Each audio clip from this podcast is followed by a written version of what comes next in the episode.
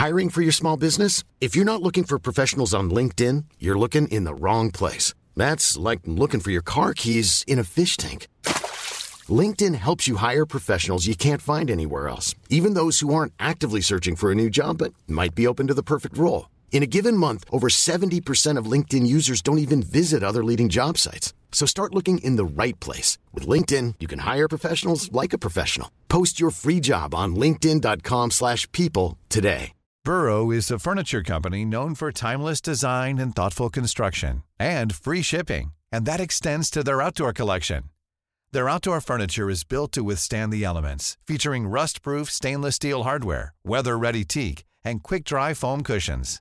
For Memorial Day, get 15% off your Burrow purchase at burrow.com slash ACAST and up to 25% off outdoor. That's up to 25% off outdoor furniture at burrow.com slash ACAST. Everyone knows therapy is great for solving problems, but getting therapy has its own problems too, like finding the right therapist, fitting into their schedule, and of course, the cost. Well, BetterHelp can solve those problems. It's totally online and built around your schedule. It's surprisingly affordable too. Connect with a credentialed therapist by phone, video, or online chat, all from the comfort of your home. Visit betterhelp.com to learn more and save 10% on your first month. That's BetterHelp, H E L P.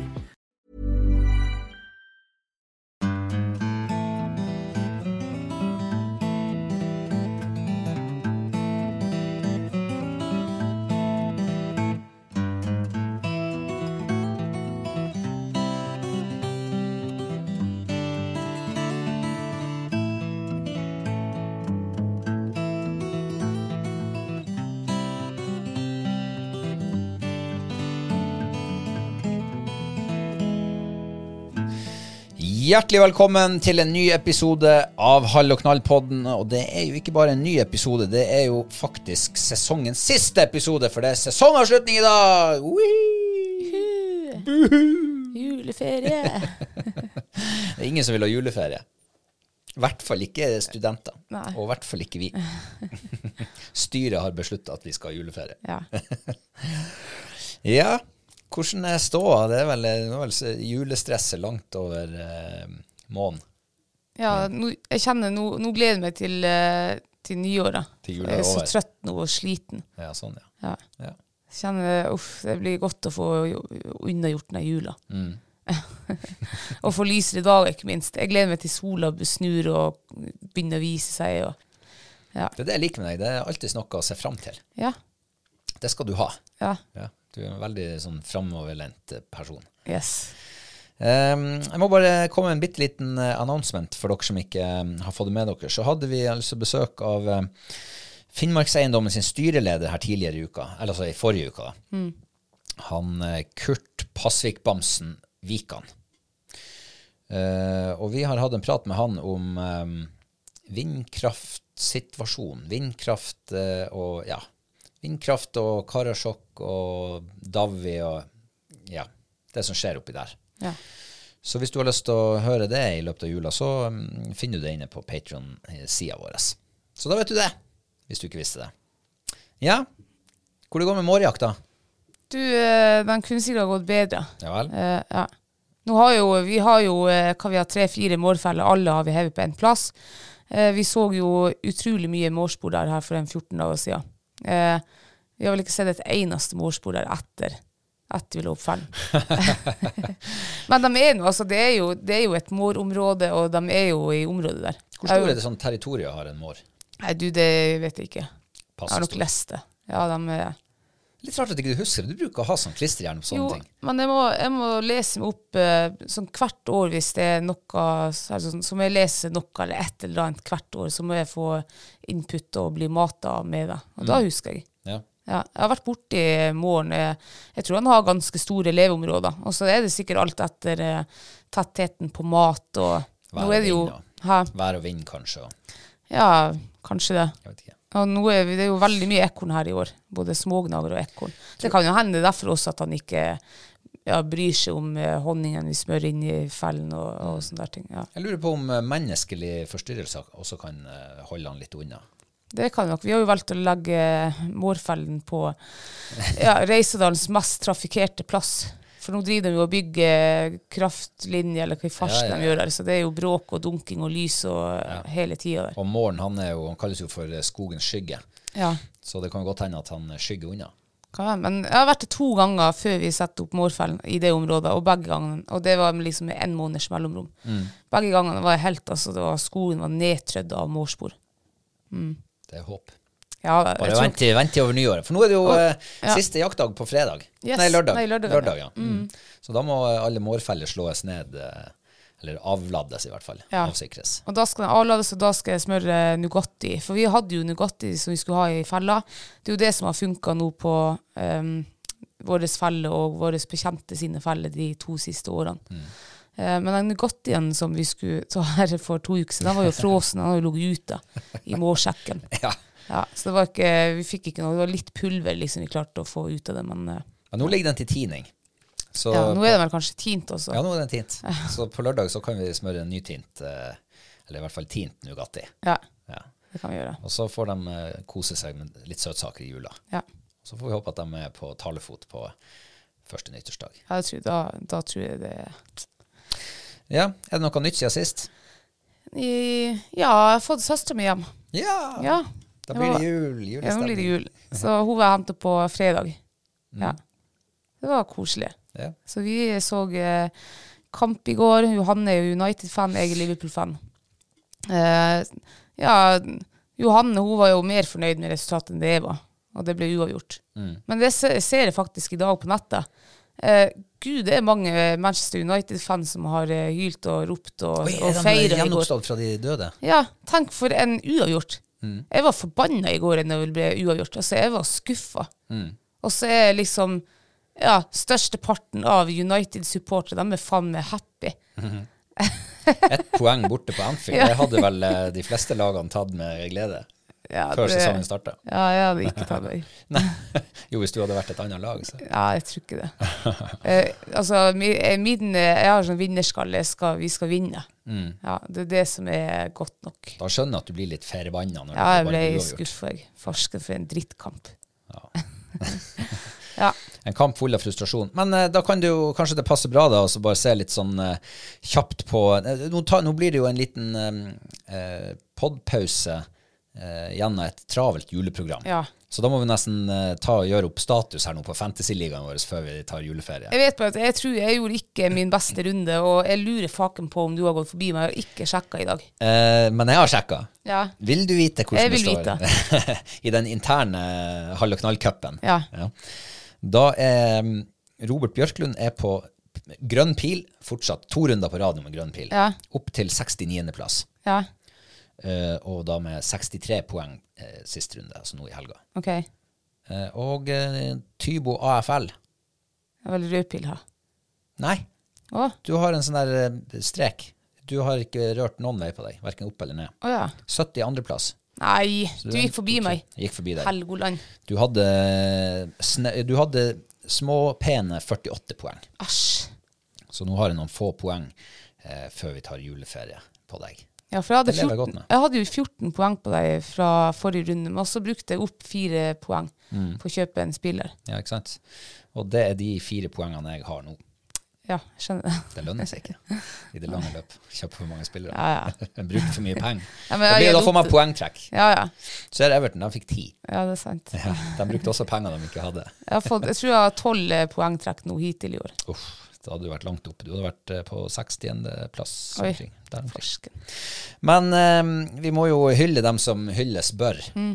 Og eh, vil du gjette hvem som ligger på topp? Ja, det er vel han der fish and chips. Lou Macari Fish and Chips. Ja. 1045 poeng. Eh, han hadde 60 poeng denne runden. Ja, ok. Så hvis ikke jeg husker feil, så har jeg faktisk slått han med noen poeng. Ja, du hadde 62, var det det? Eh, ja, 63. Mm. Men rundens spiller, det er en, uh, tro det eller ei, en eh, United-supporter. Tom Even Heimstad med Will, Grigg, Will Griggs Red Army. 76 poeng hadde han denne runden. Ja. Og det er best, og det tar han opp til andreplass på tabellen. Oi. Seks poeng bak han uh, Lou Macari. Det er tett. Det er tett, og det er tett bak der også. Sånn relativt tett. Alt kan skje. Vi begynner å nærme oss eh, ja, halvspilt sesong om ikke så fryktelig lenge. Ja. Ja. Det har jeg ikke kontroll på. Nei, så det betyr jo at eh, det er jo eh, Det vil sikkert runde 2000 poeng på den som vinner Mm. denne ligaen. Uh, ja, nei, så det, og det er jo litt artig at han uh, Will Griggs Red Army Han har ikke en eneste United-spiller, selv om han er United-supporter. Så han hadde ikke trua på eget lag. Denne, Nei. Men han hadde noen Liverpool-spillere. Ja, ok. Ja. Nei, men det blir, nå blir det et travelt program, så nå må man virkelig henge med og gjøre gode valg framover for å gjennom juleprogrammet. Mm. Det blir sikkert folk som blir kvilt. og skada er det jo i massevis overalt. Ja, og røde kort og Røde kort, ja. Ja. ja, ja. Så jeg, jeg har en utfordring. Jeg har ikke spillere på benken lenger. Nei, det har ikke jeg heller. og så tror jeg er ni eller ti på banen, Ikke sant? så jeg har en jobb der. Ja. Ja. Det blir noen minuspoeng før neste runde. ja. Men du, det var en ting eh, jeg bare ville spørre deg om. For det at eh, du fikk jo Vi var jo og sjekka gaupekameraet ditt her om dagen. ja. Ja, Si litt om det. Ja, eh, altså Jeg var bare nysgjerrig. Jeg har stått der oppe liksom to uker og ikke fått et eneste bilde. Jeg har ett bilde, heller viltkamera som skal ta bilder, og ett som skal ta video. Eh, det som tar bilde, det skal sende bilder. Men det, det gjorde jo ikke det her for eh, 14 dager siden. Da anstet jo at det har vært en gaupe forbi der. Så jeg ble så nysgjerrig, så jeg måtte opp. og jeg kommer dit, og ja, det var ingen gaupespor, liksom, så gikk noe, og så nærmer jeg meg eh, der av viltkameraene. Og der ser jeg plutselig ikke to, men tre gaupespor. Oi. Så det ene det var jo det gamle som hadde gått der for 14 dager siden. Men de to andre de var nye der, og de, og de så omtrent like ferske ut. Så jeg ante meg jo at det kunne være familiegrupper. Ja. Så da måtte jeg eh, sjekke Heldigvis hadde jeg fjernkontrollen med meg. Så fikk jeg sjekka det her videokameraet. Og jaggu var det altså gaupefamilien. Det var artig. Nå er det, jeg tror det er tredje gangen nå jeg har gaupefamilie på, på kamera. Ja. Det er å, skikkelig stas. Men det er første gang jeg har dem på video. Det var jo artig å se den videoen der. Ja, kjempeartig. Jeg la jo eh, i liksom eh, Der jeg har lagt den, så har jeg tatt harelabber. Vi lagde jo hare her for noen, dager, nei, for noen uker siden. Tok jeg labbene, og så stakk jeg dem liksom i- mellom trærne. da. Og det stoppa gaupeungen og lukta på. Ja. Ja. Men gud, hvor liten den var. Den var så, mora kom jo først der, og denne gaupeungen var jo halve størrelsen til mora. Ja. Men det var ordentlig, det var skikkelig artig å se den. Det var akkurat som en, ja, som en vanlig katt, liksom. Ja. Som gikk og stoppa litt opp og lukta og snusa litt og gikk litt videre. Det, det var skikkelig artig. Ja, det var artig. Så, Det var artig når du liksom klarer å ja, overliste dem på en måte, og så få altså, du, ja, Når du har høstet deg så mye erfaring at du vet at på denne plassen så er det stor sannsynlighet for at han kommer til å passere igjen, og så lykkes du. Det, ja, det er skikkelig artig. Det er jo ikke ulovlig å være lokalkjent. Det er Nei. ofte en fordel. Det er det, ja.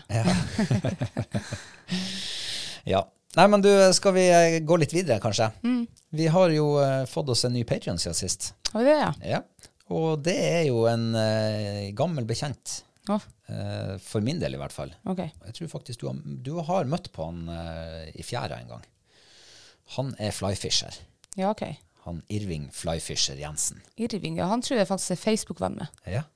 Han er fiskegal og jaktgal og Ja, han er gal. Ja, herlig. Men på en Lik- god måte. Jeg liker sånne gale mennesker. Ja. Og nå er han også blitt eh, gal etter Hall og knall-podden. Ja. Velkommen nå- til oss. Ja, tusen takk. Det setter vi jo ordentlig pris på. Mm. Så får vi håpe at du liker, liker det du finner inni Patron-appen. Eh, ja, er det noe mer du vil si? Noe juleforberedelser eller noe sånt? Ja, uff, jeg har gjort jule for, sånne her julegreier og ting og tang nå i en uke. Ja, Eh, uff. Så du er lei Vi allerede? Vi kan prate om noe vi annet. kan prate om noe. Den er grei. Takk for det. Vi går videre. Vet du hva vi går til da? Nei. Eh, da går vi til eh, ukas mathøydepunkt. Ja. Går ikke det an? Ja, Ja. det går an. Vil du begynne? Eh, jeg kan begynne. Ja. Eh, vi eh, Jeg var nede i Oslo for en og en halv måned siden. Spiste verdens nydeligste restaurantmiddag. Ja. Det var breiflabb. Men ble det Og- ukas mathøydepunkt den uka der, for din del? Det du husker jeg ikke. Det er mulig det var sushien fra Lillehammer som ble det, altså. Ja, det var For sushi har jeg jo liksom eh, lengt etter. Mm. I hvert fall, så siden så har jeg liksom jeg har drømt om breiflabb, og, og, og du har jo blitt påvirka, så du skrev jo melding til Skjervøy fiskecamp, eller hva det heter. Fiskebutikk, Fiske, eller fiskebutikk, ja. ja, om de hadde breiflabb inne. Og det her er en og en halv måned siden. Mm. Og de skulle gi oss beskjed. Og før helga så ga de beskjed nå har vi breiflabb. ja. Og vi fikk jo den derifra hit, og vi lagde jo breiflabb både på fredag og søndag. ja. og jeg må si at den breiflabben fra i går, herregud, den var god. Altså, det er jo nesten årets mathøydepunkt. Oi, oi, oi. altså, den var oi. så god. Jeg, jeg elsker, jeg har fått meg en ny favorittfisk. Har du det? Ja, Altså, eh, mer favoritt enn flyndre? jeg tror det. Jøss. For det, den breiflammen, det smaker ikke fisk av den. Eh, men altså, det smaker hav, det smaker sjø, og det, konsistensen, det er, det er heller ikke sånn der fiskekonsistent. Og, og, um, nei, det var Åh, og det, der, det vi lagde til, er sånn der enkel, mild hvitløkskrem eh, med noe sånn her Ja, paprika stekte vi, og så noe små gourmetpoteter. Nei, vet du hva, det var så godt at jeg, kunne, jeg tror jeg kunne ha spist meg i hjel på det der i går. Vi hadde jo middagsgjest uh, i går. Ja. Og um, middagsgjesten som var Johanne, hun ga altså terningkast seks til den breiflaten. Ja. Det jeg, altså, jeg ga terningkast fem til den. Mm. Jeg vet egentlig ikke hva som kunne gjort til at den kunne altså sånn, eh, Men jeg, tenk, jeg tenker nå, har litt sånn at jeg kan alltids gjøre bedre. Ja, altså eh, Terningkast fem, da mangler man jo egentlig en eller annen sånn X-faktor som man Ja. Kanskje folk på vårt nivå ikke helt eh, vet hva man skulle ha Nei. Eh, men hun ga terningkast seks, ja. Ja. Så eh, Du ga terningkast fem, og jeg ga terningkast fire. tenk det. Ja. Jeg skjønner ingenting. Har, vi, vi har visst oss helt. Vi er bestandig så like. ja, vi er det, men det er akkurat når det kommer til sånne enkle ting som f.eks.: for eksempel eh, er det litt for mye salt? Mm. Der er vi litt forskjellige. For av og til så syns jeg at det er litt for mye salt, og du syns det er helt perfekt. Og i går så var det så, en sånn dag for meg. Mm. Ja. Da var det litt for akkurat over kanten med saltmengde for min del. Eh, og så var det vel en ting til som ikke husker helt hva var. Jo, det var litt for mye sånn eh, olivenoljesmak i den hvitløkskremen. Eller Ja, og det kjente ikke jeg heller. Nei. Nei, men det er dagsformen, kanskje. Ja, ja. Så min tunge var Men jeg skjønner, hvis jeg også hadde smakt mye salt oliven fra et, så hadde jo sikkert ikke heller eh, gått hysterisk. Men det var veldig godt. Det som er, ikke sant, Jeg har aldri spist breiflabb før på fredag. Eh, og det var jo et utrolig hyggelig bekjentskap, altså. Jeg hadde store forventninger til det. Men eh, at vi skulle få det til såpass bra, det, det var ekstra artig. Ja. Eh, og det, det var jo nesten som kjøttkonsistens. Altså sånn, Jeg bare tenker sånn når jeg eh, Når du har stekt en fisk til perfeksjon, steker du en torskeloin til perfeksjon, så flaker den seg. Den her flaka seg ikke. Jeg kunne skjære den store fileten liksom, i biffstykker etter at den var stekt. Det var rått. Ja, det var rått. Ja, det var, uff. Jeg må lære meg å fiske den der breiflabben til sommeren. Ja. Det skal jeg Jeg vil anbefale garn. Ja, ja, men du må jo liksom lære deg hvor de lever hen, og hvor de, hvor de holder seg til, og hva de eter, og hvordan, ja, alt det der. Ja. Det skal jeg lære meg. Jeg gleder meg. Jeg håper du klarer å Ja, knekke den koden her. For, tenk, å, tenk å kunne ha breiflabb også i, i Åh, fryseren. herregud. Men er det sånn at det er forandring som fryder? For nå har vi jo spist eh, ganske mye flyndre i to år. Eh, og så får man en helt ny fisk som man aldri har smakt før. Jeg husker med hvittingen når vi smakte den i sommer Mm. for første gang. Så var det sånn wow, Ja. Det var godt eh, god fisk, altså. Altså, jeg har ikke sagt at flyndre, men eh, jeg har ikke spist flyndre, tror jeg, i går. Jeg husker ikke hvordan det smak, smaktes nå. Mm. Så, um, men eh, per nå så er det min favorittfisk. Ikke at jeg har noen som ikke liksom Ja.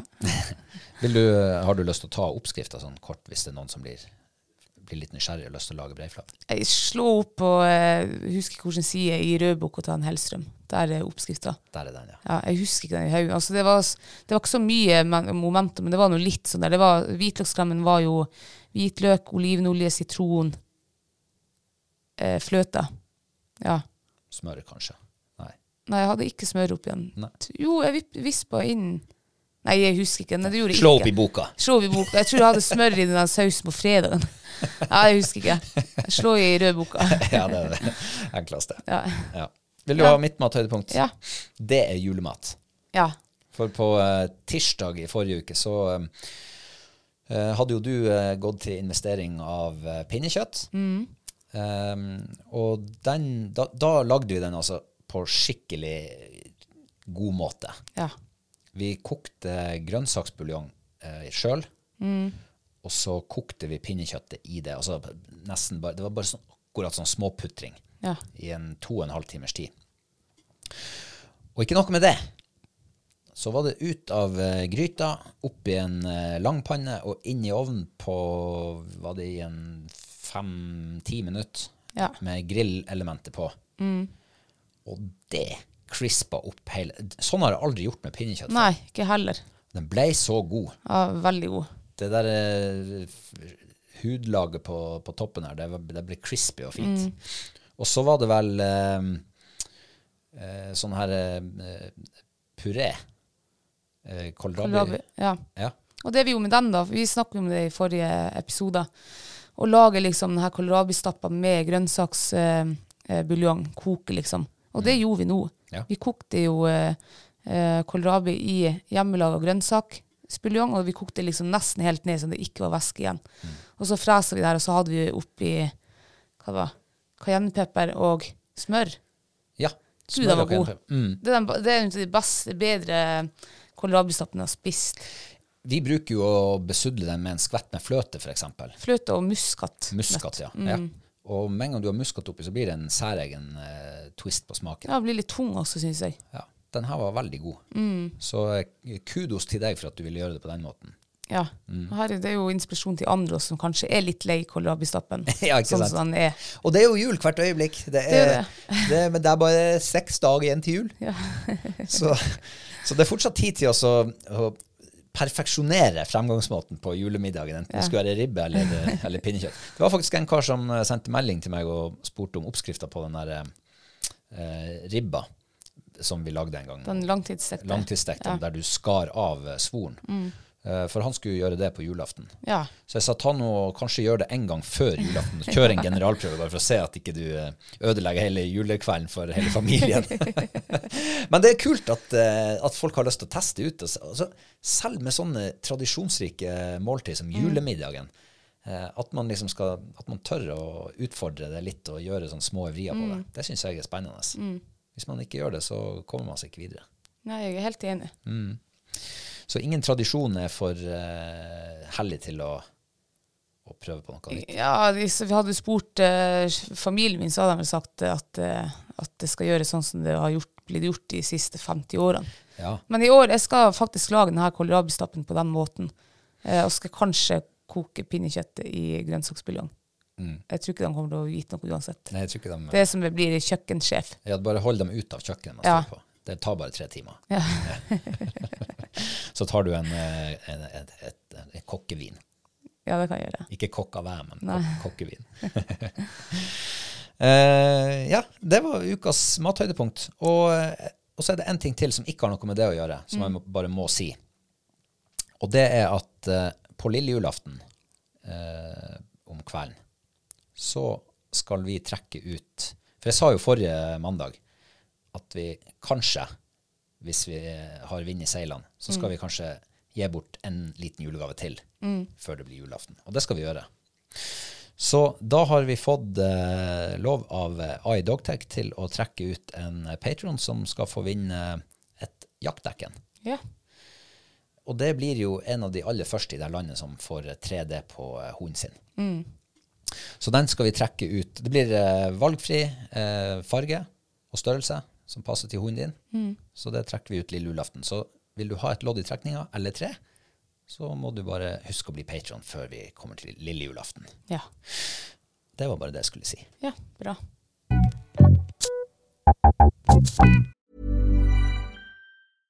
Hey, it's Paige DeSorbo from Giggly Squad. High quality fashion without the price tag. Say hello to Quince.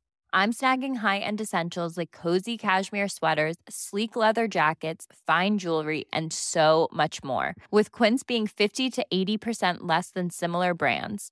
And they partner with factories that prioritize safe, ethical, and responsible manufacturing. I love that. Luxury quality within reach. Go to quince.com slash style to get free shipping and 365 day returns on your next order. Quince.com slash style.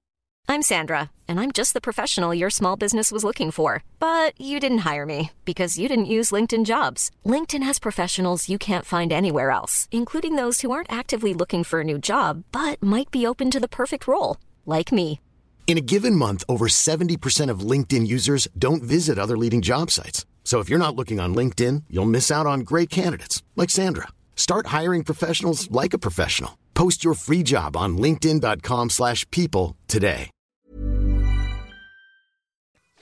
Ja, Kristine, fra ett høydepunkt til eh, et annet, eller til flere andre. Ja. For eh, nå er det kommet til eh, den tida på året hvor vi skal ja, eh, lene oss litt tilbake, mimre litt i gamle fotoalbum og se liksom, Smatte litt på den karamellen, hvis man har Ja. en karamell å smatte på. Fine opplevelser, eller minnerike opplevelser fra det siste året. Altså 2023. ja. Og ja, er det litt sånn, er det vemodig, eller er det deilig, eller er det Nei, altså Alle andre ganger så har det vært sånn her Det har vært deilig, så artig å mimre. Jeg liker jo å mimre, liksom. Jeg blir sånn godt humør og liksom Ja, Ja, jeg ser du lyser litt opp her.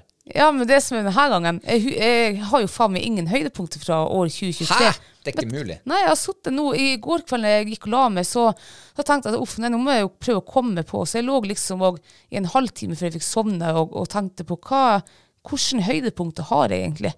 Um, ja, fiskesommeren gikk jo eh, rett øst. Åh, ja, det var mest ja. skuffende fiskesommeren. Kan vi gjøre en Så- ting her nå først? Ja. Det høres ut som du har noen lave punkter. Ja, altså, kan, kan jeg- vi bli ferdig med dem først, og så kan vi ta, se om Ja. det er noen høydepunkter igjen? jeg tror jeg har vært så jeg, jeg kommer bare på alt som har vært negativt i år 2023. Og det var liksom, så det, Jeg tenkte ja, fisk, nei, har jeg fått fisk i sommer? Jo, jeg fikk en på det her hemmeligvannet vårt, um, som antagelig sperga sommeren min. Eh, Jeg husker at den ørreten var 2,3, og that's it. Det er det jeg husker. Så har jeg bilde av den. Jeg husker ikke situasjonen på den ørreten. Hæ? Nei, jeg husker ikke det. Går det, du, hæ? Jeg vet det, Går det an? Har du fått long covid eller noe? Nei, jeg vet ikke. Vanligvis så husker jeg jo de her, liksom. Men det er sikkert for at jeg har sikkert fått den i ren frustrasjon. Jeg husker jo at den der lange turen, jeg tror vi lå der i fem dager på det vannet. Det blåste jo nesten bort, og, og jeg husker jeg har aldri sett så mye fisk før der. Eh, men eh, det har jo aldri vært så vanskelig å få fisk. De var jo vett av livet, redde og skremt. Um, ja, så begynte jeg å tenke på ja, en isfiske, da. Ja, jeg så jo den røya, jeg hadde jo en røya på sikkert fem pluss, og den mister jeg jo. Og det var liksom, det var jo også drit. Ellers fikk jeg fiskepisen. Nei, jeg fikk jo ikke det. unnskyld meg, altså. Nå, Nei, men da begynte jeg å snu det om, liksom. Da tenkte jeg, hva var det med den røya? Jo, den røya her jeg så nå i, på fjellet i, i vinter. Altså, det var jo et monster. Er det her er det høyde... Er det, det lave, Nå nå er jeg forvirra. ja, nå kommer høydepunktet. Oh, ja. Så da jeg begynte å snu om og prøve å liksom heller å fokusere på eh, ja, Om det var noe positivt om det var noe positivt. eh, Og Ja. da begynte jo med denne fisken, da. Um, altså, ja, det var faktisk et stort høydepunkt, hvis du klarer liksom å eh, være positiv over å miste fangsten. Eller liksom Men det var, det var jo nesten en, en, en full Hva det heter Jackpot. Ja, Det var nesten jackpot, da. Eh, Det var ikke det jeg skulle si, men jeg, kom ikke på ordet heller. Full streit. Ja, um, men å se denne fisken på Fortell, ta oss tilbake dit. Ja, vi var jo på et vann som jeg hadde fått uh, litt sånn inside info, skulle være skikkelig stor fisk. Det var, eh, det var to stykker som hadde vært på isen der, og de hadde båret hold der. Og så roper han ene at nei, bare dra opp utstyret ditt igjen, her er ikke fiskende. Og så sier han andre, hva, hva er ikke fiskende her, er det for grunt? Nei, så han kom og kikk her i holdet.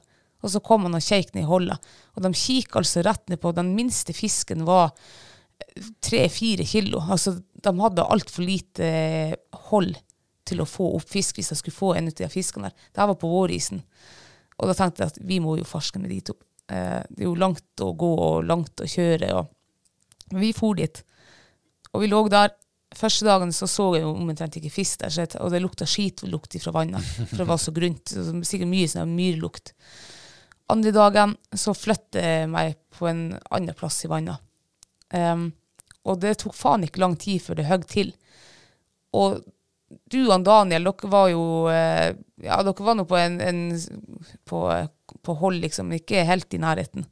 Dere kom jo spurtende. Um, du tar opp filmkamera og filmer. Daniel kommer i holdet og får se. Heldigvis. Jeg er så glad han Daniel kom i holdet og så det her. Eh, For den var så svær. Tenk, jeg satt med en sånn her gammel isfiskestang. Du, som du har sånn lås. Så når du røkker, så låser tråden seg. Du skal nesten ikke få ut tråd. For du må holde med tommelen liksom, og ha den opp og slakke den hvis du skal kjøre fisk. Ble for mye pustende. I hvert fall, når den her jævelen tok på Altså, han røska ut hele snella mi. Det holdt på å bli 1000 blåknuter på det der. Og han for ut. Han tok jo sikkert jeg vet ikke, 12-13-14 meter med tråd bare sånn i ett jafs. Og så var det å få den her inn der, og da ser jo han og jeg, jeg kjenner jo når jeg fisker på isen, jeg vet jeg har 0,50 snøre, så er jeg har. Jeg slipper han faen. Når jeg først har fått den i holdet, så slipper han faen ikke ut igjen. Um, og jeg står og Daniel ser jo det, den var så svær, og jeg ser jo at bare kjaken på den fisken der, den var jo halve holdet. Altså, jeg tenkte det er jo ikke kjangs i kjangs i havet engang å få den her opp. Å, men jeg tenkte jeg skal legge litt press på han, så at jeg får liksom snuten hans inn i holdet. Og når jeg gjorde det, så glapp han. Og eh, den trebbelkroken jeg hadde på, den for rett i iskanten. Og det, jo, og det, var, det var helt forferdelig å miste den der. Eh, ja, det positive med det, det er jo at den, her kjeften på den røya, den har brent seg i minnet mitt, så det er jo fint. Og, og så er det jo kjempebra at han Daniel fikk se den fisken der. Ellers så hadde jo dere trodd at det er laug. Jeg trodde i hvert fall at du hadde altså Jeg hadde sagt at eh, slå nå av i hvert fall 50 Ja. Ja. For det er sånn, vi som kjenner deg, vet jo det. Ja, ja. Men nå var han Daniel liksom enig, man aner ikke hvor stor den men at den var stor, og den hadde mest sannsynlig aldri rømtes i det holdet vårt. Eh, så det er jo faktisk en av de ja, sikkert største isfiskeopplevelsene jeg har hatt når jeg liksom glemmer at jeg mister den. Ja. Det er jo en opplevelse, det også, å miste Ja, ja. eh, fisk.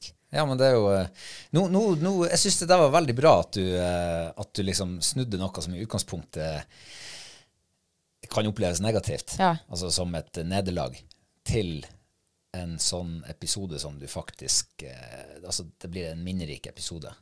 Du glemmer den ikke så fort. Jeg gjør ikke det. Jeg har jo nevnt den flere ganger sånn opp gjennom eh, månedene siden. Det her var vel kanskje i mars-april. April var det kanskje. Eh, Så jeg har jo nevnt denne historien til folk. Så at jeg har jo ikke glemt, og det, Men jeg har enda minne av kjeften, eh, altså hodet og alt det der, på den røya. Ja. Det, Eh, Det eneste jeg angrer på da, vi, da, vi, da jeg satt på iskanten der, det var at ikke jeg også stakk hodet ned dit. Men jeg var så opptatt av å filme. Ja. Jeg ville få det med på film. ja, ja. Eh, eh, jeg hadde sikkert eh, gått ut av mitt gode skinn hvis jeg hadde, jeg hadde svimt av der. Det tror jeg også du hadde gjort. Hvis du hadde sett den røya der. Fy faen, den var svær.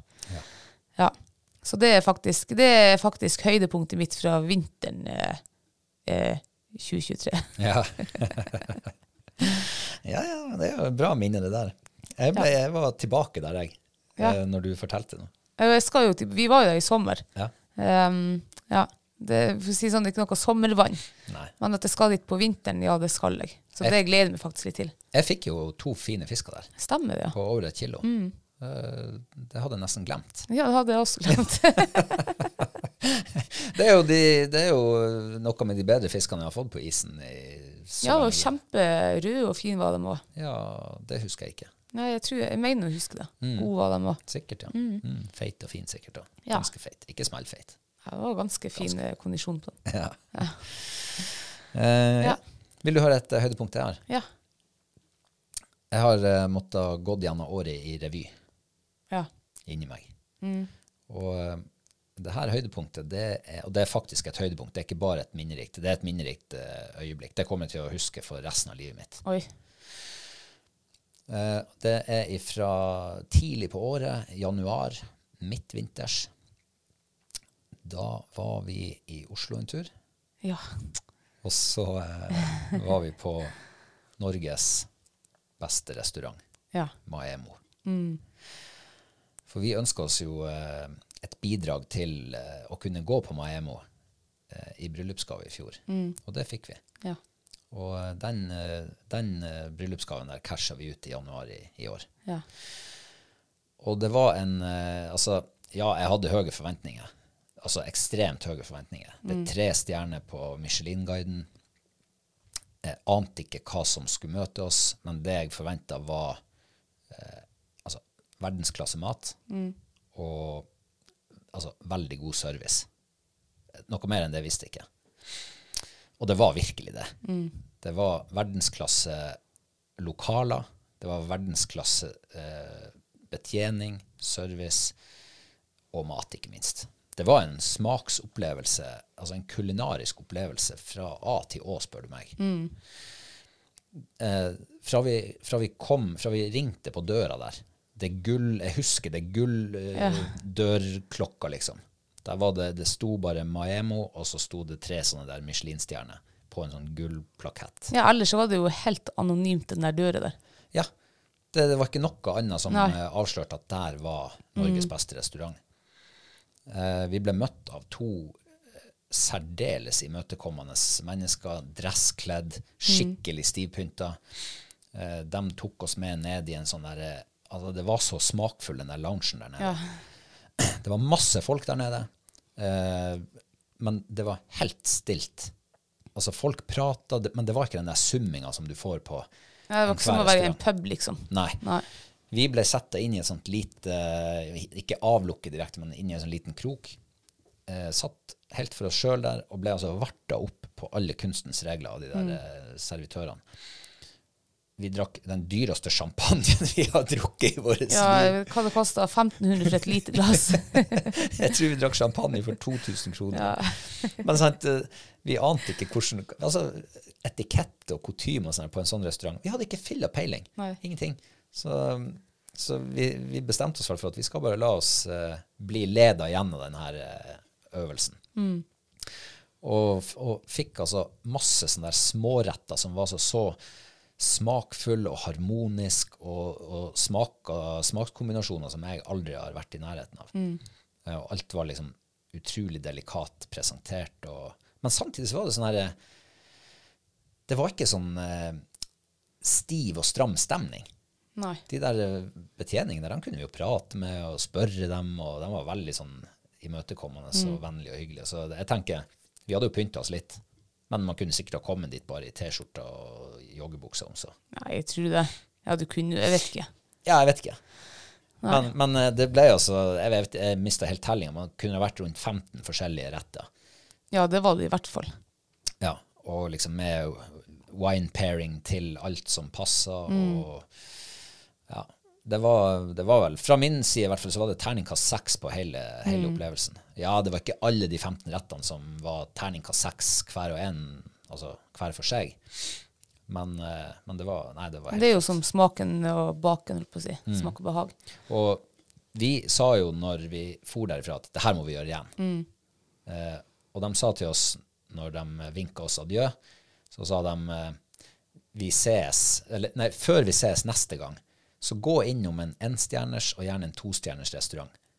Bare for å se, liksom, så får dere oppleve hva opplever dere som forskjell før dere kommer tilbake hit. For han var ganske sikker på at vi kommer tilbake. Ja, stemmer. det. Altså, den, eh, det hadde ikke jeg tenkt på. Jeg har vært så fast i fisk og fangst og fugl og hund og ja, liksom de her uh, turlidenskapene mine. Så at den der Maemo, den uh, har ikke, det har ikke streifa tanken min. Nei. Men eh, så- ja, det er jo en av de største um, Ja, en av kanskje de største høydepunktene, ja. For det er jo noe vi har ønska, særlig de, liksom de siste årene, og ønska liksom oppleve en sånn trestjerners og, ja, og Maiemo. Ja. Ja, så det var faktisk stort. Vil du tilbake? Jeg vil tilbake dit. Ja. Eh, det er mulig jeg dropper champagnen til 2000 kroner. ikke særlig glad i champagne heller. Nei, men, men det var, champagne var faktisk godt til mat. Jo, den var det. Og ja, og jeg er ikke glad i champagne, men det der er kanskje den eneste champagnen eh, som jeg har likt. Sånn sett. Mm. Ja, Ja. ikke sant? Så det det, da handler jo alt om å bare vite hva er det du skal drikke til de Mm. forskjellige tingene. Eh, og nå må jeg jo bare si én ting som jeg glemte å si i sted når det var snakk om det pinnekjøttet. Sorry at jeg hopper rett fra Maemo til pinnekjøttet. Mm. Men det var jo at vi drakk hvitvin til det pinnekjøttet. Mm. Og det var sykt godt. Ja. Det var helt rått godt. Det var en helt annen opplevelse enn å, å drikke rødvin til pinnekjøtt. Ja. Det som er så synd, da, det er jo at, eh, at vi drikker jo ikke hvitvin ellers. Nei. Så det er jo liksom en hvitvin til 200 kroner, altså et lite glass til pinnekjøtt, og så skal du liksom Hva du gjør med resten? Nei, det Vi lagde saus, jo vi litt av det, og enda har vi noen halve flasker igjen i kjøleskapet. Nei, så, så til, men, men det er jo også sånn der, for vi er jo vant til at kjøtt, da skal det være rødvin, Mm. eh, og fisk, da skal det være hvitvin. Men pinnekjøtt, da skal det være hvitvin. Ja. En tørr hvitvin. Ja, det var en helt annen opplevelse. Mm. Og eh, apropos hvitvin av Maemo. Eh, jeg tror det er den første gangen jeg har liksom likt hvitvin også til mat. For vi fikk, det var noen retter vi fikk hvitvin til. Og det var egentlig, sånn som jeg husker, var det liksom en ja, skikkelig bra smaks- og, og eh, ja, opplevelse. Den kommer jeg Ja, det sa jeg kanskje. Kommer til å huske den resten av mitt liv. Jeg kommer også til å, hvis du minner meg på det, for nå hadde du glemt den. Jeg gikk systematisk til verks, vet du. ja. Ja. Uh, ja. Har du noen flere minneverdige øyeblikk? Jo, jeg har jo en når jeg, når jeg liksom kom tilbake på den her fiskeløse sommeren, og alt var bare liksom blåst bort eller dårlig vær, og så kom jeg jo på at jeg hadde jo faktisk eh, Jeg hadde noen fine dager i fjæra. Og jeg hadde jo en dag der jeg var helt alene på liksom Nordreisas beste sjøørretplass. Jeg hadde jeg hadde den helt for meg sjøl. Yes. For det blåste. Oh, ja. Og folk er tydeligvis eh, redd litt vind, eller litt mye vind. Ja. Men jeg liker jo å fiske i mye vind. Jeg kan gjerne stå og kaste bakover kaste i fjæra med flua. Og, og Hvor, hvor går grensa di for, på hvor mye vind du tåler? Er Ja. det en grense? Ja, grensa er hvis, det, hvis du liksom eh, Du er mer att i tinningen din med flua enn du liksom er eh, noen andre plasser. Der går grensa. Hvis det blåser altså Gammel-Erik, altså ja, Piske? Det pisker, ja. Ja. Der går grensa. Da syns ikke det er noe trivelig lenger. Da blir det vanskelig å kaste. òg. Ja, så blir du, du blir redd nesten for å tra... I hvert fall jeg blir nå det hvis jeg kjenner at jeg er mer borti ansiktet mitt med flua. Ja, da, da kaster jeg dårligere også, for at jeg, jeg tenker at nå går øynene mine, eller et eller annet. Ja, jeg blir litt redd. Mm. Det var ikke så mye vind en dag, men det var, var bra mye vind. Men uh, traff du bra, så tok jo vin og heiv denne her flua ti meter lenger ut i havet. Så du fiska med flue på slukhold, nesten? Altså, Ja, nest, ja, det ble nesten sånn, ja.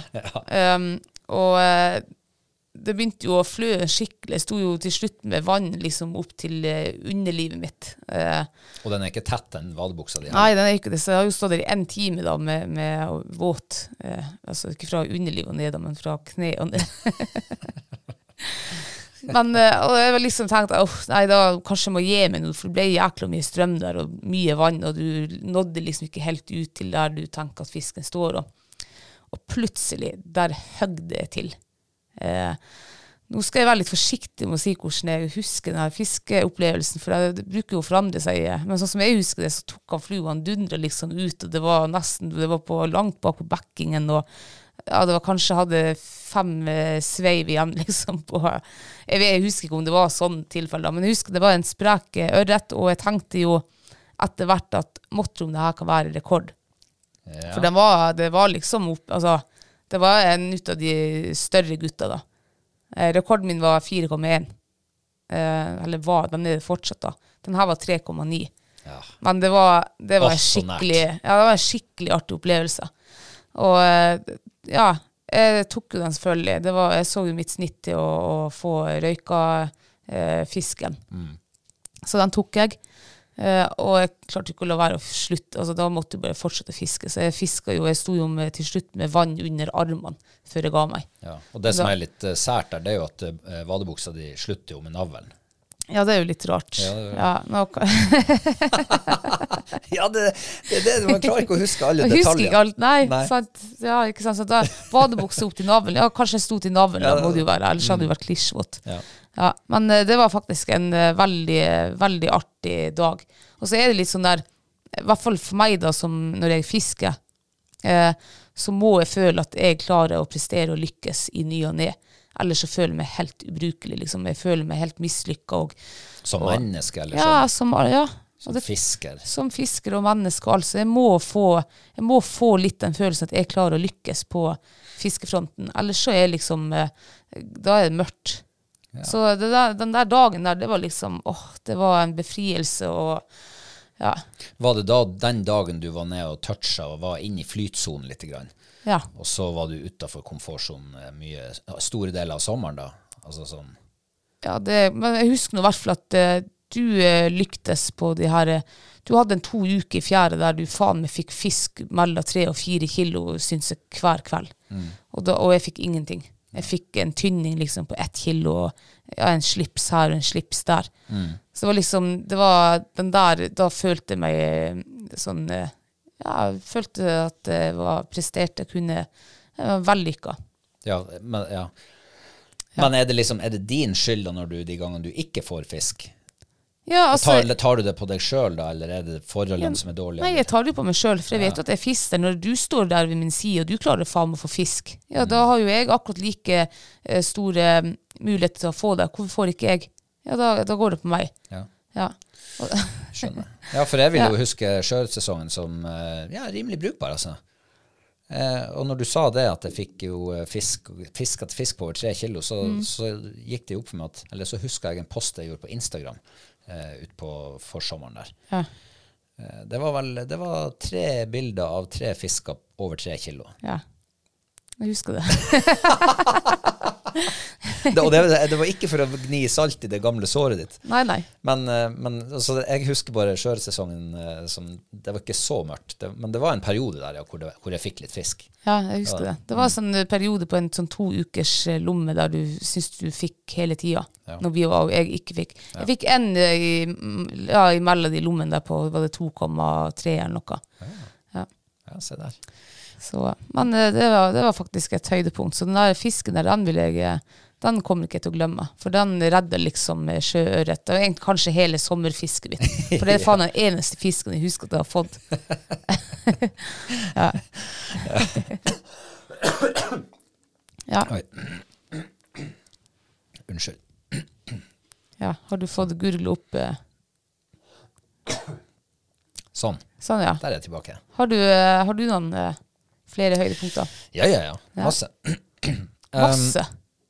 Ja, mange høydepunkter, faktisk. ja. Um, men uh, jeg, jeg husker ett ifra sånn godt ut på sommeren. Uh, da Altså, fiskesommeren min var litt bedriten, sånn overall. Mange bomturer, Uh, forskningsturer som gikk åt skogen. Men jeg var nå Gikk nå en liten tur opp til et, et røyevann alene. Eh, tåka hang tjukk som grøt ned i fjellsiden. Og jeg eh, sleit meg oppover til det vannet. Eh, og kom fram, og så var det jo Det var surt, det var fuktig, og det var litt sånn her kald vindgråe. Eh, og ja, det var ordentlig utrivelig, rett og slett. Men innimellom så stilna det. Eh, sånn at det ble helt blankstilla på vannet. Og jeg eh, fiska jo rundt vannet flere ganger. Og jeg fikk altså så mye fisk den dagen der. Ja. Jeg mista tellinga på ti røyer. De var ikke veldig store. Den største var kanskje et kilo. Eh, de fleste var sånn seks, syv, åtte hekto. Men det var så deilig. Når jeg hadde liksom gått og strevd og strevd og strevd, og forholdene var ikke på min side, og jeg var ikke på, var ikke på min side og, Ja, jeg hadde kanskje bebreida meg sjøl mye. Så få en sånn der eh, ettermiddagsøkt eh, opp på fjellet der jeg faktisk fikk fisk. Jeg fikk så mye fisk på de fluene at de var ødelagt etterpå. Ja. Ja, det var helt utrolig rått. ja. Og det trenger ikke bestandig å være det der, de der sværingene, eller dem som du liksom rammer inn på og legger ut på Facebook og sånn der. Men det, den der, den indre følelsen, Ja. den er minst like viktig. Og da er størrelse plutselig veldig relativt. Men når du var i begynnelsen av 30-årene, hadde du samme perspektiv da som du har nå? Må jeg svare på det? Ja, kan du gjøre det? For at jeg, når du sitter, jeg, jeg kjenner jo at jeg trekker på smilebåndet. Ja, jeg ser det. Eh, ja, for at eh, eh, Ja, det er sikkert eh, artig eh, Eller jeg vet jo, jeg syns jo ikke det er artig. Eh, Nå høres det ut som at jeg er skikkelig negativ og så sier at eh, den eh, høydepunktet du har, det er ikke rett, men det er ikke det jeg mener. For det er jo ditt høydepunkt. Men, men jeg klarer bare Nei, ikke altså, å se ja, men, nei, men hør nå. Ja. Det, det er ikke altså, å kalle det for et høydepunkt, men jeg kaller det for Det er en sånn Det er en, en dag som har brent seg fast i minnet mitt. Da. Å ja. Det er det det. Ja, og da er det jo sikkert et slags høydepunkt, da. ja. Jeg har jo et punkt. Ja, jeg har jo egentlig hatt en à la samme opplevelse som deg eh, flere ganger. Og det har også brent seg fast i frustrasjon oppi minneblikket mitt. For at uh, når jeg fikk den tiende Det var både ørret og røya på sånn rundt eh, 800 gram pluss minus, så kjente ble jeg altså så forbanna bare for småfisk. Jeg var så irritert at til slutt jeg gidder ikke å fiske mer. Altså, ser- det er jo derfor jeg spør Kommer jeg til å skifte perspektiv når jeg blir oppe i 40-årene. Og Det hadde vært fint hvis jeg hadde gjort det, for nå, nå er liksom turen min ødelagt hvis ikke jeg er eh, ja, Ikke hvis den ikke ødelagt sånn, men eh, da, jeg kan jo si det sånn at jeg syns jo ikke at det er noe artig å fiske etter eh, småfisk. Nei. Ja. Og da vil jeg jo bare si at um, um, Ja, Vil det endre seg? det vet jeg faktisk ikke. Nei. Men um, eh, jaget etter, og nå tenker jeg litt høyt her egentlig, jaget etter de der storingene. Når vi fær liksom til vår øy, øyesten, så skal du dit for å få stor fisk.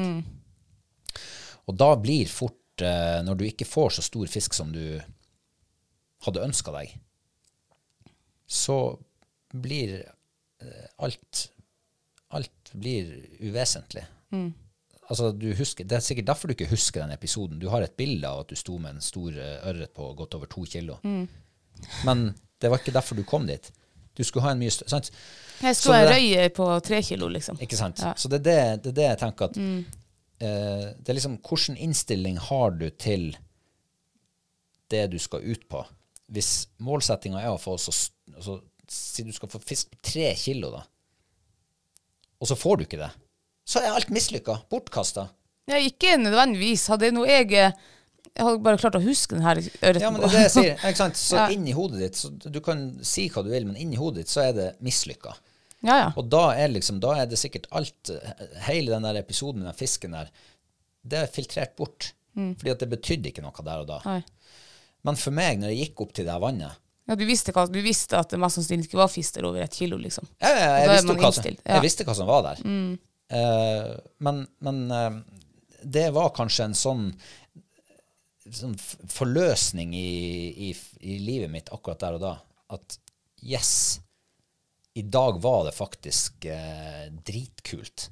Ja, det var, det var artig å få fisk på et kilo, rett under et kilo. Ja. Det var sykt artig. For jeg hadde ikke fått noe. Jeg hadde ikke fått fisk tidligere på sommeren. Sånn omtrent ikke. Det hadde vært mye, mye motgang. Så det å endre liksom føle at yes, det her var sykt kult. Kanskje det var det som gjør at den liksom at den ble værende med meg, da. Ja. Så, men svaret på spørsmålet ditt, om du må bli vente ti år til før du òg kan ha det sånn, sikkert ikke. Men, men når du drar på storfiskejakt, så må du være på storfiskejakt. Ja, ja. Bare der og da. Og så må du ha evnen til å liksom snu om på mindsettet når Mm. du skal en plass der du vet at her er det ikke tre kilos fisk. Får du kilosfisk her, så er det bra. Mm. Og da kan du sikkert hygge deg kjempemasse med kilosfisk òg. Jo, gjør, altså, vi, har jo, vi har jo noen vann der det er liksom rundt kiloet, der vi gjerne er å fiske når isen går tidlig, bare for å få den her fiskefeelingen. Og ja, jeg jubler jo når jeg får ørreten til å ta. Men liksom, det er ikke noe som brenner seg fast, liksom. Det er artig der og da. Altså, når, når jeg går ned fra fjellet, så er liksom, da er det da er jeg ferdig. Da er jeg som en hund når han har apportert, app, app, apportert fuglen sin, rister seg, liksom. Du er ferdig med det oppdraget. Ja. Ja, men Det er litt sånn. Du, ja, men kanskje du ikke må begynne å se Kanskje du må slutte å tenke på eh, fisketurer som oppdrag. Det blir så veldig sånn ja. løse oppdrag å ta vare på dine menn. Nei, men jeg tenker ikke det på som oppdrag. Men jeg er jo også jeg, eh, Mitt kall i livet, det er jo eh, fluefiske. Det er, det er jo min nye store lidenskap som, som jeg har fått inn i livet mitt pga. deg. Før det så var det jo slukfisk, og da var det jo bare om å få mest mulig fisk og kakke i haug og ta med hjem. Og, og, ja. Og du er jo i ferd med å liksom Det begynner å demre for deg nå. For da er det liksom Du skal ikke bare få flest mulig og mest mulig og størst mulig. Nei. Nå er det jo eh, jakt og søken. Ja, ja. Leitinga etter mer kunnskap og forstå sammenhengene. Og til slutt så bare Å, der fikk jeg den fisken, og den var 1,2 kilo. Fin matfisk. Fin opplevelse. Stilig situasjon. Ja, nei. nei, nei. Men det var sånn jeg tenkte før, da. Da syntes jeg det var artig. Da skrøt du av fisk liksom på kilo. Og, og, For da var det liksom de store altså, Ja, fikk du en stor fisk, så var det jævlig kult. Eh, men det var liksom få mest mulig matfisk i fryseren.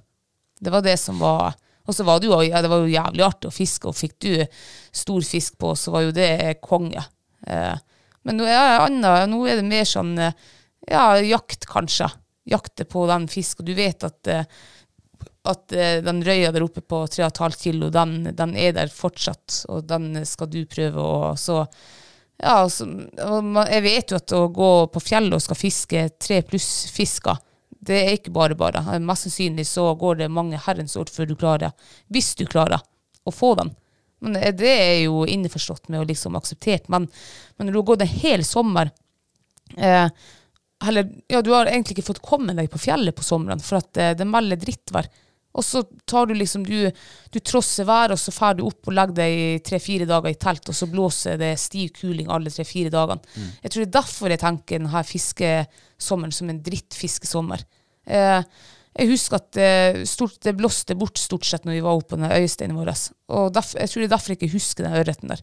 eh, På, men jeg husker at når jeg kom ned derifra, så var det jo det den her ørreten på 2,3 kilo som faktisk berga hele turen min. For at jeg klarte å få den. Men jeg, jeg husker den faktisk ikke nå. Jeg husker ikke hvordan det skjedde. Men det er sikkert også for at jeg kasta på sikkert Jeg tror jeg kasta 500 kast på fisk der oppe. Og den, en av de 500 kastene fikk den ta. Jeg husker ikke hvordan kast det var. Men da skal Det- du få svare på spørsmålet ditt. Ja, Ja, om ti år så er du der, du også. ja OK. Takk. da vet jeg det. Good to know. Ja. Uh, ja. Har du noe mer? Eh, øyeblikk. Ja, jeg har jo Jeg kan jo egentlig slå de to øyeblikkene i, i lag, og jeg har jo egentlig snakka mye om det i, i den siste tida, da. Um, så jeg skal ikke prate så mye om det, men når jeg tenkte på um, høydeblikker fra Høydeblikker. Nei, høy, um, eh, hva heter det? Høydepunkter, men ikke høydeblikker. Øyeblikk eller høydepunktet. Ja, jeg tenkte kanskje de to i sammen. Så det høydeblikkene mine. ja, se, der oppfant jeg et nytt ord. Ja, så høyde høydeblikkene mine. Ehm, det første jeg tenkte på, det var jo at uh, hun Fight ble frisk, og at hun Fight klarer å få første AK etter hun var blitt frisk, og så at hun klarte å få seg en gammel tiur etter hun hadde blitt frisk. Det var, det var de tre tingene jeg tenkte på fra liksom de store øyeblikkene mine fra 2023. Eh, så, og det må jo kanskje si at det, i, i den rekkefølgen så er vel det det største som har hendt, hendt meg det her året. Og, sånn, og det kommer jeg aldri til å glemme. Sånn helt seriøst. Du har bestevennen din der som holdt på faen å stryke med på Sverigejakta. Eh, det var bare å pakke ned leiren som du hadde pakka opp dit bare for noen dager siden, og fære hjem med en, en hund som du ikke aner om hun kommer til å bli frisk, eller om hun kommer til å liksom stupe ja, ned. Og så bare ser du at det går eh, rette veien dag for dag. Du smører deg med tålmodighet, og du begynner forsiktig opptrening. Og så er du faen meg på fjellet etter fire uker på, eh, på rypejakt. Og så, i første slippet hun får, så går det jo som hun aldri har vært syk. Jeg husker hun hadde jo slag på 400-500 meter, liksom. Jeg ser jo at hun ble nok litt mer altså, Ja, hun ble jo slitnere enn hun ville vært før det her. Og så fester hun verdens flotteste stand, og, og jeg skyter dublé fra fight, og jeg har ikke skrekket over eh, en, en sånn eh, rypefangst siden Reborn var valp, liksom. Eh, og så bare blir det så rørt når jeg klarer å få eh, ja, liksom en sånn her happy ending på situasjonen på fight, liksom. Og da tenker jeg på den hele situasjonen på at hun har vært eh, syk og, og frisk og tilbake i, i, i eh, fjellet. Og så liksom, noen uker etter det så får hun første AK, hun er 13 år. Eh, og så en eller to uker etter det igjen så skyter vi gammeltiuren som hun Klopp ødela, for jeg føler fortsatt hun Klopp som ødela den i Sverige. Ja, så det, det, er- mitt, det er mitt absolutt største øyeblikk fra 2023. Det kommer jeg aldri til å glemme. Det der, det der kommer jeg til å huske resten av mitt liv. Ja. Ja. Der ser du med en gang det virkelig betyr noe for deg, så Ja. husker du det. Ja, det er da sant, husker ja. du Ja, hvordan var situasjonen Ja, det husker jeg faktisk fra punkt til, eh, til prikke. Ja. Fra A til Å. Fra A til Å, ja. Ja. Fra, Ja. fra høyde til blikk. Jeg kunne ha sittet og snakket om det nå i en halvtime, men jeg har pratet så mye om det nå i høst, så ja. De, de som har fulgt med, de kjenner jo historien. Ja, ja. Men det er jo eh, Jeg tror ikke det var noen som hadde trodd eller, eller sett for seg at, eh, at eh, hun verken skulle ut på jakt eller jaktprøve etterpå. Altså når Nei. vi lå der i Sverige i campen, og, hun var rett og slett så å si grønnsak. Mm. Så, så det der, det, ja, det er jo det er nesten for godt til at det skulle være sant. Ja, det, ja, det er helt utrolig, faktisk. At hun kom seg, og nå er hun I dag har det vært å jakte med henne i skogen i skikkelig tung, bunnløs snø. Og hun klarer å bare Ja, hun springer som, en, som de andre hundene våre. Så hun er 13 år gammel, liksom, og ja, ikke 100% i sånn tipp topp som hun har vært før. Så det synes jeg er helt rått. ja. Ja. ja, absolutt. Mm. Det var, jeg er glad på dine vegne også for at du faktisk fikk, eh, at du fikk de høydepunktene. Mm. For um, hvis ikke jeg husker helt feil, så, så var du liksom Du var veldig lei deg fordi at den der eh, tiursituasjonen dagen før i, i skogen i Sverige, hvor hun uh, Klopp eh, ødela den, Mm. så det, det gikk inn på deg.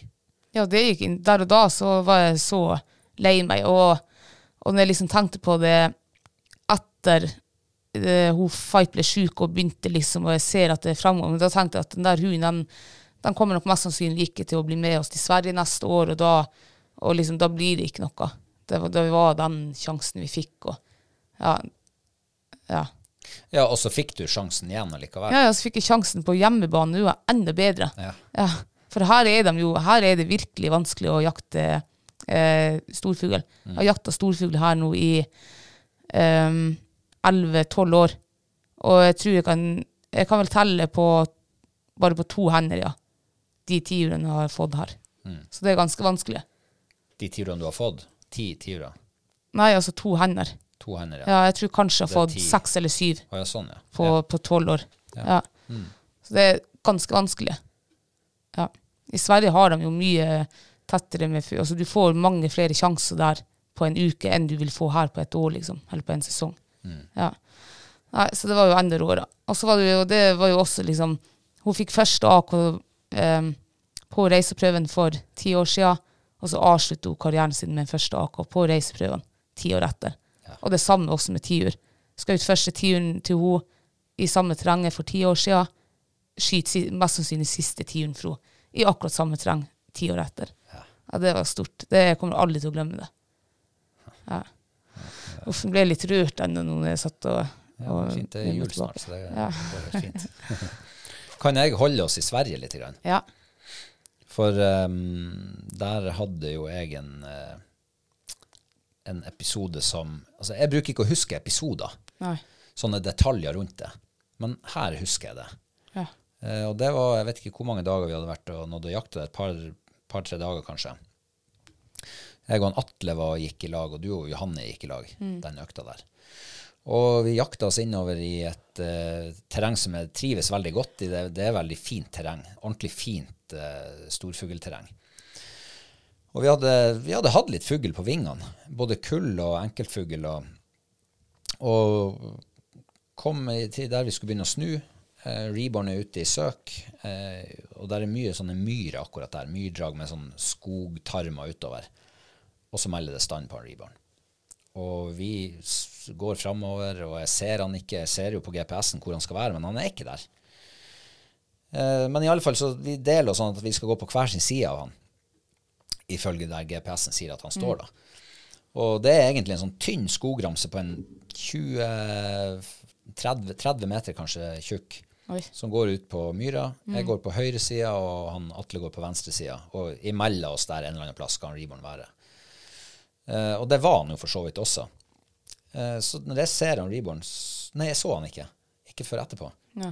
Men eh, jeg hører det braket i, i skogen på øverste meg, og jeg tenker hvor er han Reborn? Hvor er han Reborn? Jeg ser han ikke, jeg ser han ikke. Og så ser jeg en tiur som kommer ut. Og heldigvis så stiger den fort. Og jeg har den i, i en sånn uh, åpning der i ja, noen sekunder, så jeg tenker at uh, hvis den nå fortsetter å stige samme retninga, så kan jeg skyte. Og jeg heiv opp hagla, fulgte den til den var liksom på trygg, trygg eh, høyde over bakken. Brann av et skudd, og den deisa rett i bakken. Ja. Og da kom Reborn ut, da var han imellom oss der. Ja. Så det var jo egentlig en liten Fuglen satt jo litt langt unna der, men, men det var altså så sykt rått. Og den der svære fuglen der, den, jeg oppfatta den ikke så stor der og da. Nei. Og det var litt sånn der syk opplevelse. Den kom inn, og han Reborn apporterte, den, og, og ja, tiur heiv den i sekken. Og kom tilbake til når vi møtte dere til lunsj. så, så tar den ut av sekken, og, og, og da begynner du der. Det der er jo gammel tiur. Så nei, det er jo ikke gammel tiur. det Jo, det er det. Så da var det Ja, selvfølgelig er det det. Mm. Jeg har ikke sett tiur på år og dag. Så i mitt hode så var det bare en eh, litt stor Det hadde vært en, eh, en bra tiurklekking det året. Ja. Hva du trodde tiur skulle være sånn som kalkun? Nei, jeg har jo sett eh, gammeltiur. Jeg har skutt én gammeltiur før. Uh, og det sies jo at man skal gå Man må gå 35 turer i snitt på Ja, stemmer tiur før man, eh, før man skyter en tiur. Så jeg er jo antagelig bortimot det snittet, da. Eh, det er vel sikkert fem år siden sist jeg skjøt gammeltiur. Ja. Ja, så, men det var artig, og, og ja, men allikevel veldig sånn her rar Jeg bare tenkte ja, ti, stor tiurkylling. Hei den i sekken, og så blir det liksom Nei, det der er jo gammel tiur. Så helt sykt. Ja. Men jeg husker situasjonen, Ja, ja. og det må jo bety noe. Jo, jo. Ja. Ja, men, det, men det må jo være en eh, hyggelig overraskelse, da. Når du kommer liksom, når det har gått en stund, så får du vite at det var ikke tiurkylling, det var en gammel tiur. Ja, og da tenker jeg jo, da får jeg sikkert den samme følelse som når vi står i fjæra og jeg får masse sjøørret og du får ingenting. Så tenker du at du legger det på deg at uff, jeg er ubrukelig. Tenkte jeg, herregud hvor ubrukelig jeg er. Hvorfor det? Ser ikke forskjell på en gammel tiur. Ja, men det er jo som du sier, du ser jo ikke tiur så ofte. Nei, nei. Nei. Men vi hadde jo en vekt med som gikk opp til fire kilo, og den, eh, ja, han, eh, den bunna gjorde den vekta der. Ja, det gjorde den. Mm. Så han var godt over fire kilo. Tipper den var 4,3 eller noe. Vi fikk jo ikke veien den når vi kom hjem igjen. Nei. Nei. Eh, men jeg lurer på om det er den som ligger i fryseren. Stemmer det. Ja, den, var, den var veldig stor i fryseren. Ja. Men eh, det er jo det, ikke sant. Eh, jeg lærte meg jo lett hvordan man skal se forskjell på gammel tiur og ung tiur, hvis man er litt usikker, sånn som meg. ja. Ja, og det er jo det er kraftige nebbet. Det, er, jo- det er jo sikkert eh, tegn. Og du kunne vel ta i undernebbet, og den skal vel stort sett holde hvis det er gammeltiur. Ja. Eh, men den er jo mye større òg. ja Du er ser jo det du når, du, ser- når du liksom har avdekka at det her er en gammeltiur. Så er det liksom Alt er så mye større på en gammeltiur. Både hodet og nakken og Ja, ja. kroppen og føttene og Ja. vingene og ja. ja. ja. Så det er artig. Mm. Jeg håper ikke det går fem år til neste gang. Eller kanskje gjør det. Det er ikke sikkert, det. Nei, det er ikke sikkert. Men kanskje jeg håper det. At ikke det blir sånn vane. Nei. For da blir det litt uh, ekstra stas de gangene Jo, det er sant. lykkes med det, da. Ja. Ja. ja. Har du noe mer, eller er det tomt i Jeg tror faktisk det er tomt. eh, Det var liksom de tingene jeg kom på. mm. Ja. Jeg har en ting til som Jeg kommer ikke utenom det. Mm. Uh, og det er også et høstminne. Mm. Vi gikk jo fra midten av juli og begynte å vente på uh, steinsoppsesongen. Ja. Og den kom jo ikke i gang Nei. før langt ut i september. ja, tank. I fjor så var jeg altså, om det var rundt 6. september, altså i 2022, og da fant jeg én steinsopp. Og da hadde det altså kokt med steinsopp i en måned, over en måned i skogen. Og det var den siste jeg fant da. Og den første vi fant i år, var vel omtrent samme tida. Det var nok rundt 6. september, da. Ja. Og da kokte det altså i en måned framover. Ja. Det var altså helt sykt. Og det var så, det var så rått, fordi at vi gikk og venta og venta, og venta, og vi avskrev steinsoppsesongen når vi var kommet sånn i, mot slutten av uh, august. Ja. Jeg, begynte, bare, ja. jeg begynte allerede i midten av juli. For året før så var, fant vi liksom de første rundt 22. juli, og da var de gamle. Mm. Så jeg tror rundt midten av juli begynte jeg å fære, og da var jeg en gang i uka og kjeik. Mm. Så ikke jeg noe. Nei. Nei, og, og, ikke sant? og vi hadde gitt opp. Det blir ikke steinsopp i år. Mm. Eh, heldigvis har vi noen glass med tørka igjen fra i fjor, så vi, kanskje vi berges den vinteren som Mm. kommer. Og så plutselig så bare tar det av. Fullstendig av. Det var altså mayhem i skogen. Du, det starta vel for at du for eh, og jakta ender med Rebo når vi kom hjem fra Sverige. Og da du slumpa over en par, tre, fire steinsopper, og da for det. du innom de her eh, Og da var det jo begynt å blomstre. Mm. Sånn var det, ja. Tenk hvor sprøtt. Ja.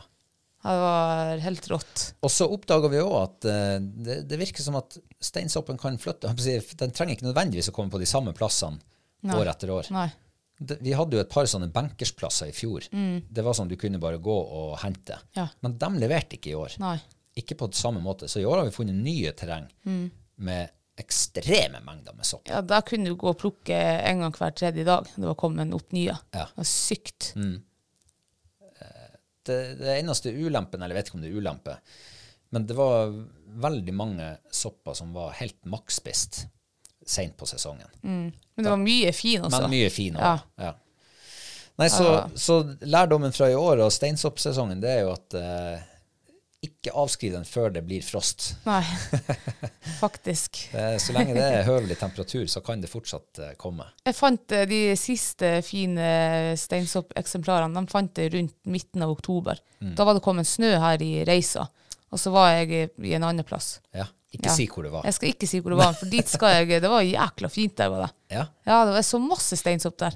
Så eh, ja, å kunne gått liksom i det plantefeltet eh, med Ja, huff, det tror jeg har vært sykt. Mm. Ja. Uh, og i 2022 så hadde vi jo en sånn der, sånn der dagbok som vi skrev. Fangstdagbok. Og, og der skrev vi hva som skjedde. Hva, hvordan var været når vi var og fiska. Hvordan var det med rype der vi var, og hvordan var det med sopp og bær og alt mulig sånn der.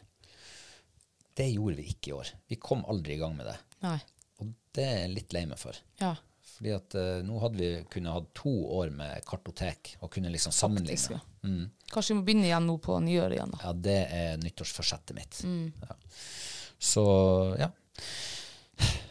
Nei, men det var jo eh, fint, det. Å mimre litt om eh, minneverdige øyeblikk. Det var, jeg hadde jo faktisk eh, noen høydepunkter fra 2023. Det ser du. Men jeg håper jo, altså mitt ønske for 2024 det er jo at eh, jeg skal føle en skikkelig mange flere mestringsfølelser på eh, fjellet med fluestanger enn jeg gjorde i 2023. Så det er egentlig fiskesesongen som har, som har gjort at du føler at det, det var ikke noe å Ja. huske på? Det det Nei, men jeg må, jeg må bare For nå høres det ut som at jeg kun går etter at jeg må ha fisk. Det er ikke det. Men jeg må ha, for, nei, jeg må ha forhold liksom for å fiske. Jeg føler at hele den sommeren her så har fluestanga ligget mest på teltduken enn jeg faktisk har kunne vært ute liksom og fiska. For det har vært så drittvær. Ja. Vind og eh, overskyet, ikke sol eller isekaldt. Altså det har vært så mye drittvær. Sånn der fluefiskevær. Altså det er mitt ønske, at få en sånn perfekt sånn fluefiskesommer. Åh, det hadde vært så deilig. det blir aldri perfekt. Nei, men det kunne vært perfekt uh, tre uker bare. Midt i juli. Ja, Ja, midt i juli, da. de tre beste ukene i juli. Vindstille tre uker i juli. Ja. ja. Ja, det, det ønsker jeg meg òg. Det håper jeg. Ja. Få legge inn et ord til han Og at jeg ikke er sjuk, for det var jo faktisk perfekte forhold eh, første ferieuka di, men da var jeg sjuk. Det er sant, du. Yes, så den røyk vi Det er derfor du føler at uh, sommeren har gått litt av skogen. Det kan godt hende. At du ikke har fått fiska. Det gikk jo en hel uke før du var frisk. Ja, det gjorde det. Det var halve ferien. Altså. Ja. Men du, jeg har, en, jeg har også et ønske for neste år. Og det er Mm. egentlig det blir litt sånn lavepunkt for meg i år. Ja. Eh, Det er jo dumt å avslutte med noe negativt, men det, det er ikke negativt i den forstand. Okay. Men jeg har liksom bare det, Jeg har nå bare merka meg det. Mm. Um, vi, vi kommer jo tilbake til den der evinnelige rypebestanden, ikke sant? Ja. For at uh, i fjor så tenkte jeg at nå er bunnen nådd. Mm. Nå kan det ikke bli verre. Og det ble kanskje ikke verre. Men det ble ikke bedre heller. Eh, I hvert fall veldig små marginer. En anelse litt bedre var det. Litt større kull var det i år. Ja, det var større Ja, det var større kull, men det var ikke så mange, det var ikke flere kull. Nei. Så eh, når vi liksom Det var jo store forventninger til denne eh, eh, høstjakta. Eh, det var gode tellinger stort sett overalt, bortsett fra her. For her var Inne på vidda og ute på øyene vassa ei fugl. Men akkurat her i sånn mellomdalstrøka så har det ikke vært eh, Nei, det er, det er jeg litt lei meg for. Ja. Vi får jakte litt rev på, på fjellet nå i vinter. Ta med lokkefløyte og ja. Mm. Ja. Ta med rifla istedenfor hagla, kanskje. Ja, kanskje det. Takk for at du gidda å mimre litt. Ja, takk sjøl. Det var trivelig.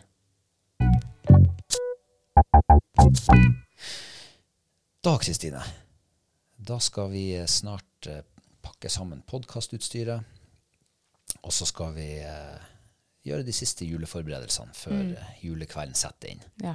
Så må vi eh, huske å trekke ut en vinner på lille julaften. Yes. Jeg tenker at fredag er lille julaften, men vi har jo en dag ekstra. Ja, det er faktisk lørdag. Det er faktisk Ja. lørdag. Ja.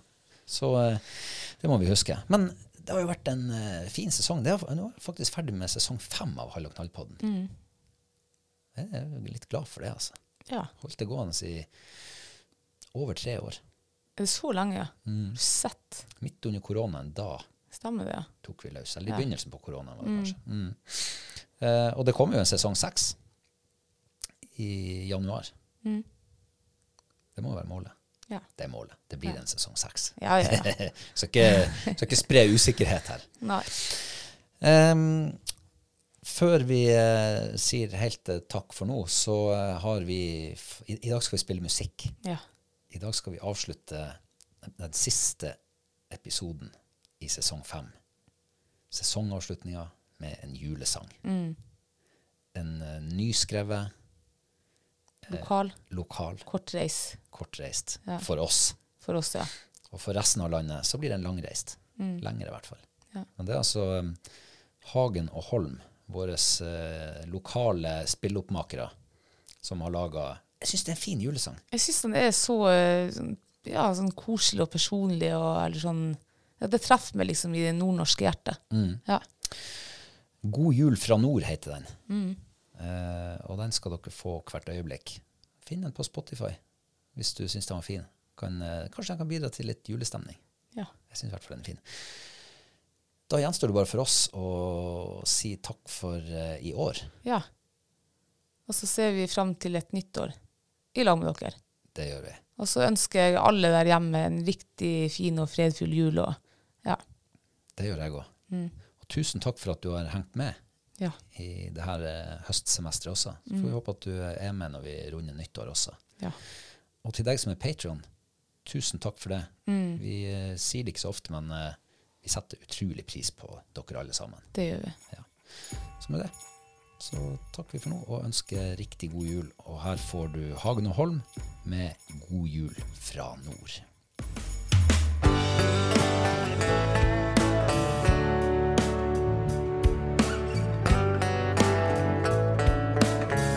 Adventa har kommet, lysene tennes nå. Stemninga stiger, for liten og for stor. Nå er det mange som lengter hjem mot nord. For å feire jul med far og mor. I vinterlandet hvor smeden daler ned. Glede og med fred. Julelysene glitrer, skaper magi. Vi samles rundt juletreet, vi. God jul fra nord, det er her vi bor. Fra hver ei lita bygd og hver en fjord. God jul fra nord, det er her vi bor.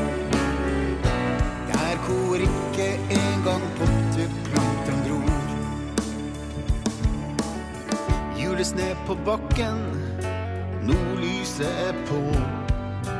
Ute blåser vinden, timen er blitt blå.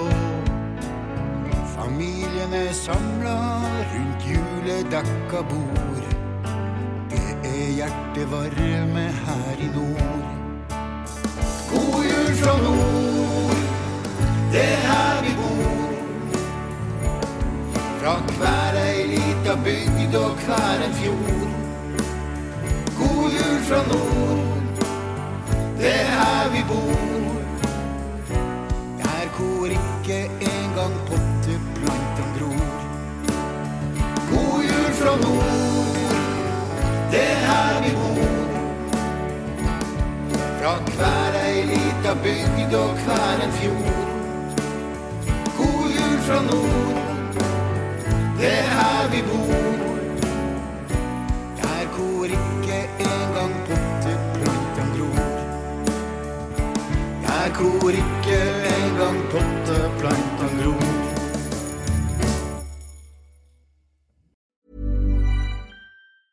Hey, it's Paige DeSorbo from Giggly Squad. High quality fashion without the price tag. Say hello to Quince. I'm snagging high-end essentials like cozy cashmere sweaters, sleek leather jackets, fine jewelry, and so much more. With Quince being 50 to 80% less than similar brands. And they partner with factories that prioritize safe, ethical, and responsible manufacturing. I love that. Luxury quality within reach. Go to quince.com slash style to get free shipping and 365 day returns on your next order. Quince.com slash style.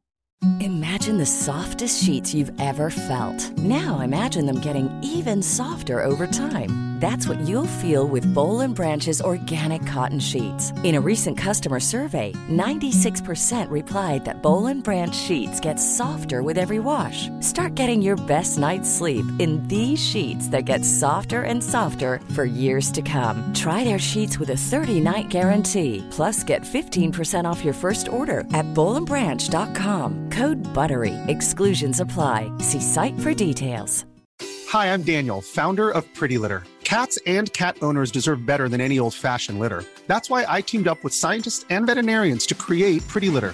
Its innovative crystal formula has superior odor control and weighs up to 80% less than clay litter. Pretty Litter even monitors health by changing colors to help detect early signs of potential illness. It's the world's smartest kitty litter. Go to prettylitter.com and use code ACAST for 20% off your first order and a free cat toy. Terms and conditions apply. See site for details.